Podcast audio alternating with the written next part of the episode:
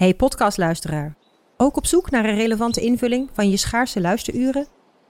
Tune dan in op de podcastserie ESG, even samengevat van BNP Paribas. Wij, Marloes en Aldert, spreken daar duurzame voorlopers en wereldverbeteraars. Waarover dan? Nou, bijvoorbeeld of we ooit duurzaam kunnen gaan vliegen. En waarom koeien in de stad nou een goed idee is? Dat en meer elke twee weken in een nieuwe aflevering. Dus abonneer je. ESG, even samengevat.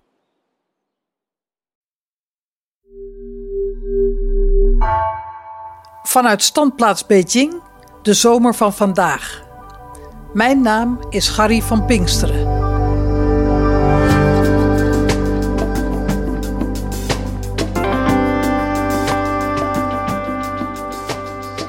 In deze serie ben ik op zoek naar een antwoord op de vraag hoe China zijn macht uitbreidt in de regio.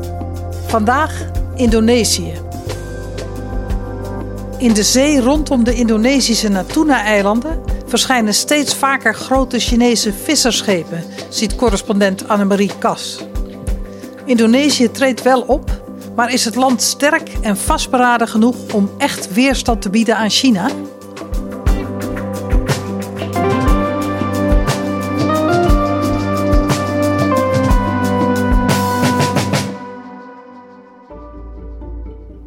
Was op de Natuna-eilanden. Dat is een, uh, een kleine archipel, een groepje eilanden, uh, helemaal in het noorden van Indonesië. Eigenlijk tussen het vasteland van Maleisië en uh, Borneo, het grote eiland Borneo, in. En het ligt helemaal in het noorden, heel ver van alle andere eilanden, het vasteland eigenlijk. En in het zuidelijke puntje van, van de Zuid-Chinese Zee. Het zijn geen hele dichtbevolkte eilanden hoor. Het, is, het zijn uh, enkele tienduizenden mensen die daar wonen. Maar het is eerlijk gezegd welvarender dan ik had gedacht vooraf. En dat komt hoofdzakelijk uh, door de visvangst. Want zij liggen heel ver van eigenlijk bijna alles in de buurt af. Maar ja, die visvangst die levert hen uh, toch wel aardig wat, wat inkomsten op. En, en dat zagen we ook ja, we gingen natuurlijk naar de, naar de haventjes en naar, naar de kust waar vissers aan het werk waren. Uh, wij, wij, zagen aan de kade die handel meteen plaatsvinden. Hè? De mensen die uh, s ochtends vroeg naar de haven komen om te kijken of ze verse vis kunnen bemachtigen van de, van de vissers die net die ochtend vroeg van, uh, van zee zijn teruggekomen. Want die vissers die gaan vaak nou ja, een paar dagen lang op zee en dan komen ze terug met hun koelboxen vol verse vis. En die vissers zijn netten aan het repareren, aan hun boot aan het werken. Uh, ja, die voeren allerlei reparaties natuurlijk uit aan hun boten. Dat, dat is hun, hun levensonderhoud. Dus ja, je ziet een en al bedrijvigheid eigenlijk daar. En het zijn dus nogal afgelegen eilanden ver van de Indonesische kust. Wat brengt je nou om juist naar dat soort afgelegen eilanden te gaan? Ja, ik wilde eigenlijk bekijken hoe een veel groter thema zich daar uh, manifesteert. Het, is, het, het eiland uh, wordt vanuit Indonesië ook een beetje gezien als uh, ja, vooruitgeschoven post van het land. Ja, vooruitgeschoven post in de diplomatieke en geopolitieke spanningen. En die vissers die daar ja, soms één of twee weken op zee gaan, dat zijn eigenlijk de vooruitgeschoven pionnen in die internationale machtsstrijd. En ja, wij wilden kijken van, goh, hoe ziet dat er nou in werkelijkheid uit? Wat voor dingen maken die vissers mee op zee? En, en waar lopen zij tegenaan? Hoe, hoe is dat uit hun ogen? Uh, je, zegt het is een vooruitgeschoven post in de Zuid-Chinese Zee, maar waaraan merk je dat dan precies? Wat, wat bedoel je precies als je dat zegt? Ja, dan moet je eigenlijk kijken naar de internationale zeeregels, dus de regels die gelden op zee. Die regels zijn vastgelegd in uh, het Zeerechtverdrag van de Verenigde Naties. En volgens dat verdrag is uh, eigenlijk al het, het, zeegebied binnen 200 zeemijl van de kust een exclusieve zone voor het land ja, waaraan die zee grenst eigenlijk. Dus uh, als je dan die, die Natuna-eilanden neemt, uh, ja, de zee tot 200 mijl uit de kust van die Natuna-eilanden, die is van Indonesië. Ja, die, is niet, die hoort niet tot het territorium, maar die hoort tot de exclusieve economische zone, zoals dat volgens die regels heet. En uh, ja, daar heeft dat land in kwestie, dus in dit geval Indonesië, het, het officiële recht, het exclusieve recht om uh, alles wat er zich aan grondstoffen in dat gebied bevindt uh, te exploiteren. Dus dat zijn vissen natuurlijk, maar ook bijvoorbeeld gasboringen of olieboringen. Alleen het punt is nu, die vissers die zien steeds vaker en steeds meer buitenlandse schepen door hun exclusieve zone varen.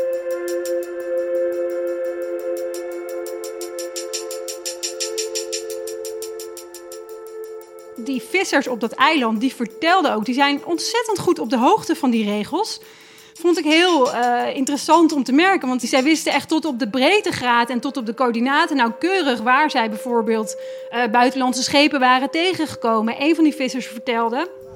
Kapal dari Vietnam sama Thailand. Itu berbendera Tiongkok. Dat ze, nou ja, de laatste keer dat hij op zee was geweest en waar hij precies een groepje buitenlandse schepen was tegengekomen met volgens hem een Chinees marineschip daarbij. Wat natuurlijk ja, hij heel curieus vond. Kalau persoalan Kia itu merupakan uh, momok nomor satu persoalan masyarakat nelayan di Natuna. Wat, wat hij zei, ja, die Chinese schepen, wat moeten die hier? Want volgens hem zijn het Indonesische wateren. Maar ja, die, die, dat Chinese marineschip bleek het heel vanzelfsprekend te vinden dat zij daar aanwezig waren. Ja, China denkt daar inderdaad anders over. Want die heeft de kaart genomen van de Zuid-Chinese Zee. En die heeft daarop negen streepjes gezet. En die heeft gezegd: het gebied binnen deze negen streepjes is van China. Uh, China has long been citing this historic boundary it calls the, the nine, dash, line. line. You see it in red there, and it is based on evidence dating back 2,000 years. Beijing insists it owns the territory inside the so-called nine, dash, dash line. line. China claims virtually all of it. En die negen streepjeslijn is heel interessant, hè? want die bakent dus het gebied af waarvan China zegt: dit is de Zuid-Chinese zee die van ons is. Ze doen dat overigens op gronden die internationaal niet erkend zijn. Hè? Maar China zegt ja, dat internationale zeerecht, uh, daar hebben we eigenlijk niks mee te maken. Voor ons geldt dat wij hier vroeger al aanwezig waren, dat op oude kaarten staat dat het van ons is, dus het is van ons. Maar als je dan kijkt naar Indonesië, is dat onduidelijk. Want negen streepjes is mooi gedacht, maar hoe verbind je die negen streepjes nou aan elkaar? Ja, die negen streepjeslijn moet je eigenlijk zien als een soort stippellijn. Ja, het is natuurlijk met opzet geen uh, doorgetrokken streep, omdat China niet de harde claim wil leggen, maar wel min of meer wil laten zien waar hun territorium zou zijn volgens China. Zeker als je op de, op de kaart kijkt, dan heb je dus nou ja, negen streepjes eigenlijk als een soort stippellijn langs de grenzen van die uh, Zuid-Chinese zee getrokken. En precies bij de Natuna-eilanden van Indonesië zit dus geen streep, maar is precies een leeg stukje. Dus waar je eigenlijk met je verbeelding een, uh, de lijn door zou moeten trekken. En dat is volkomen bewust, zodat de grens daar vaag is en, en uh, China daar dus historische rechten zogenaamd over claimt over dat gebied.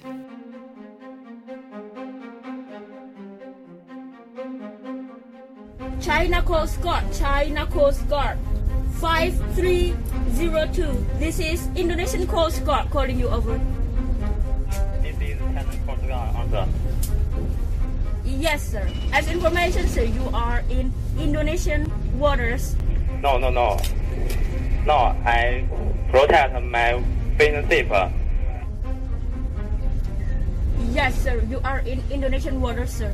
Please move away and go back to your territory. No, no. Um, de laatste keer dat het eigenlijk, ja, dat die spanningen best wel opliepen, dat was uh, eind 2019, begin 2020, zo rond de jaarwisseling. Uh, er was toen een incident dat de verhoudingen ja, dus echt wel op scherp heeft gezet. I order you, sir. I order you to go away. My, my fishing, my fishing boat now is no more working.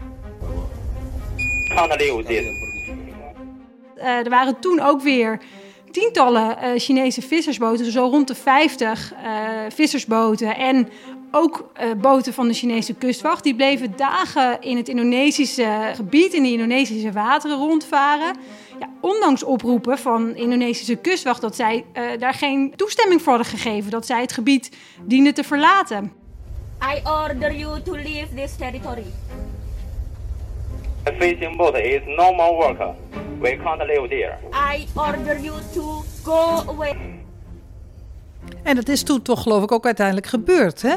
Ja, dat klopt. Uiteindelijk is het China geweest dat toen heeft, heeft ingebonden. Dat incident heeft wel uh, flink lang geduurd. Bijna een week hebben die boten uh, nou ja, in een stand-off eigenlijk tegenover elkaar gelegen.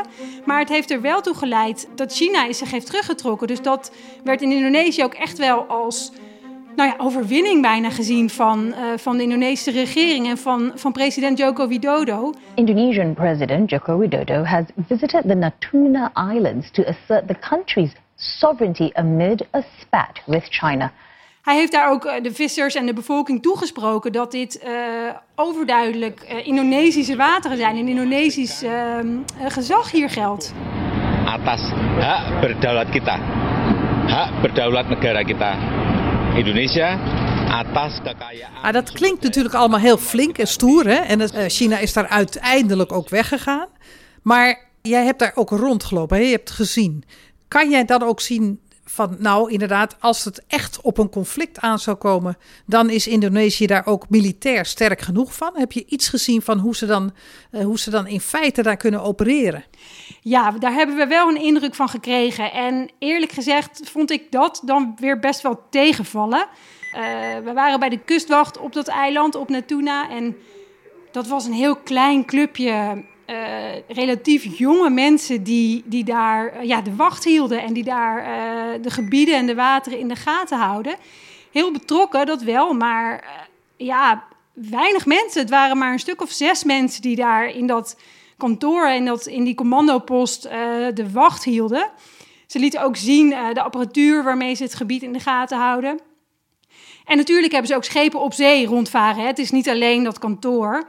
Maar ja, het, het, was mij wel duidelijk, dit gebied, deze honderden kilometers aan zee, kunnen zij niet uh, 24 uur per dag beveiligen met dit clubje mensen en, en in de gaten houden. En, en dat klopt eigenlijk ook met wat de vissers uh, vertelden. Zij zeiden ook, ja, we zien zeker af en toe kustwachtschepen of schepen van de marine. Uh, de verhoudingen zijn goed en ze proberen ons te helpen.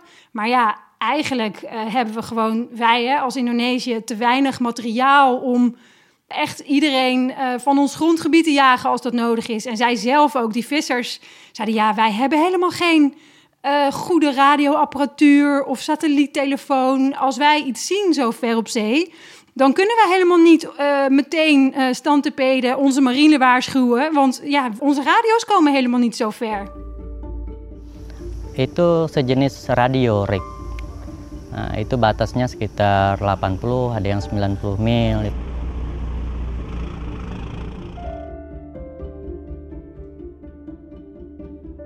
Het punt is natuurlijk ook, wat echt een groot probleem is, dat de hele Zuid-Chinese zee langzaam leeg raakt. Die visstanden die uh, duikelen naar beneden. En die, die lage visstand is ook een grote factor in de oplopende spanningen. Want ja, al die vissers onderling, het is een soort uh, wilde westen op zee daar. Die zien elkaar als concurrenten. En doordat ze steeds verder op zee moeten om dezelfde vangst te halen, om dezelfde, dezelfde hoeveelheid vis binnen te halen, ja, krijgen ze ook meer met elkaar te maken en lopen die spanningen dus veel gemakkelijker hoog op.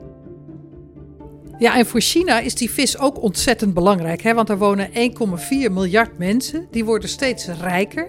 Die willen daarmee ook steeds meer vis eten. En die vis moet ergens vandaan komen. Dus er is een enorme druk voor China om niet alleen overigens bij Indonesië, maar over de hele wereld al die zeeën leeg te vissen. En dat is dan denk ik een van de redenen inderdaad meteen ook waarom die zeeën zo belangrijk zijn. Het is ook om andere redenen belangrijk, om gas en olie die er zitten. Het is strategisch zijn het heel belangrijke zeeën. Maar wat ik me daarbij afvraag hè, is, ehm, goed, Indonesië probeert daar dus meer te doen. Maar durft Indonesië daar meer te doen? Want ja, China is een veel groter en machtiger land. Er zijn heel veel economische banden met Indonesië, die Indonesië ook veel opleveren. Dus durven ze nou uiteindelijk China wel aan? Ja, dat is echt een hele lastige en een hele dunne lijn eigenlijk voor de, voor, uh, de Indonesische regering. Want precies wat je zegt, die economische banden die zijn zo uh, sterk en de laatste jaren ook steeds belangrijker geworden. Hè? Indonesië wil China niet al te veel tegen zich in het harnas jagen. Uh, juist vanwege die economische investeringen. En ja, dat gaat uh, twee kanten op eigenlijk. China investeert gigantisch veel in, uh, in Indonesië, dus in projecten hier. Treinen, wegen, maar ook elektriciteit. Dus grote kolencentrales, dat soort grote projecten. Maar ja, omgekeerd is China ook een belangrijk exportland voor Indonesië. Dus palmolie, tin, kolen. Dus ja, al met al uh, moet Indonesië balanceren tussen aan de ene kant grenzen stellen, niet over zich heen laten lopen. En aan de andere kant China te vriend houden en, en zorgen dat al dat geld wel heen en weer blijft stromen. Dus ja, mijn aanname, mijn gedachte is eigenlijk dat uh, China veel belangrijker is voor Indonesië economisch gezien uh, dan andersom. Maar Gary, klopt dat? Voelt Peking ook die noodzaak om Indonesië te vriend te houden? Of, of is die afhankelijkheid inderdaad andersom veel groter? Nou ja, Annemarie, eigenlijk, hè, als je eronder kijkt, dan kan het China uiteindelijk dat hele Indonesië geen bal schelen, denk ik. Het kan China echt niet schelen. En dat is omdat er uiteindelijk grotere belangen spelen. Het gaat China om het verdrijven van Amerika uit dat hele gebied in Zuidoost-Azië.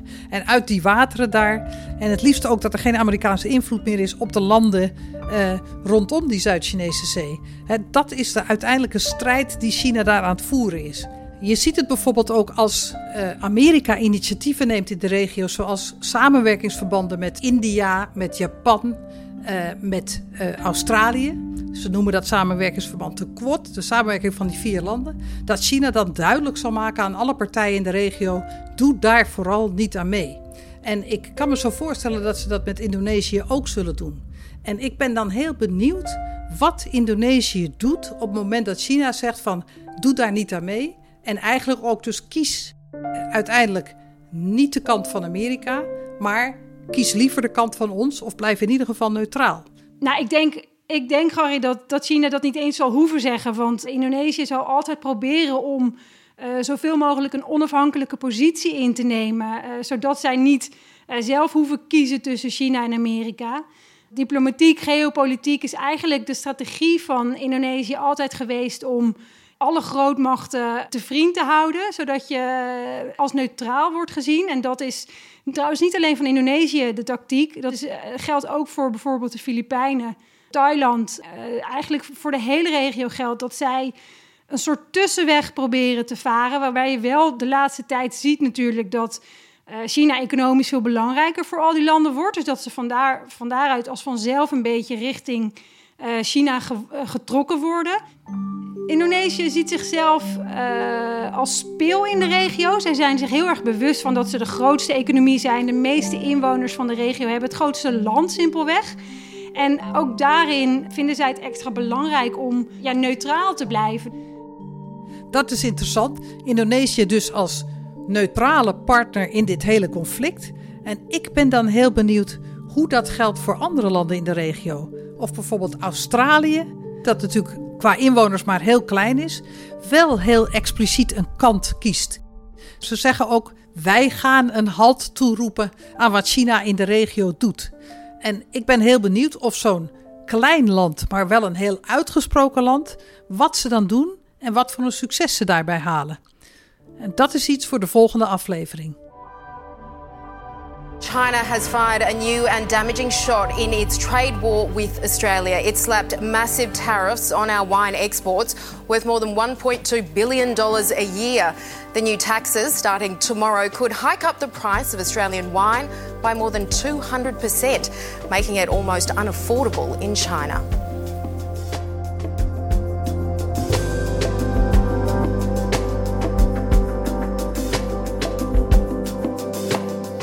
Deze aflevering werd gemaakt door Tessa Kolen, Nina van Hattem en Stef Visjager.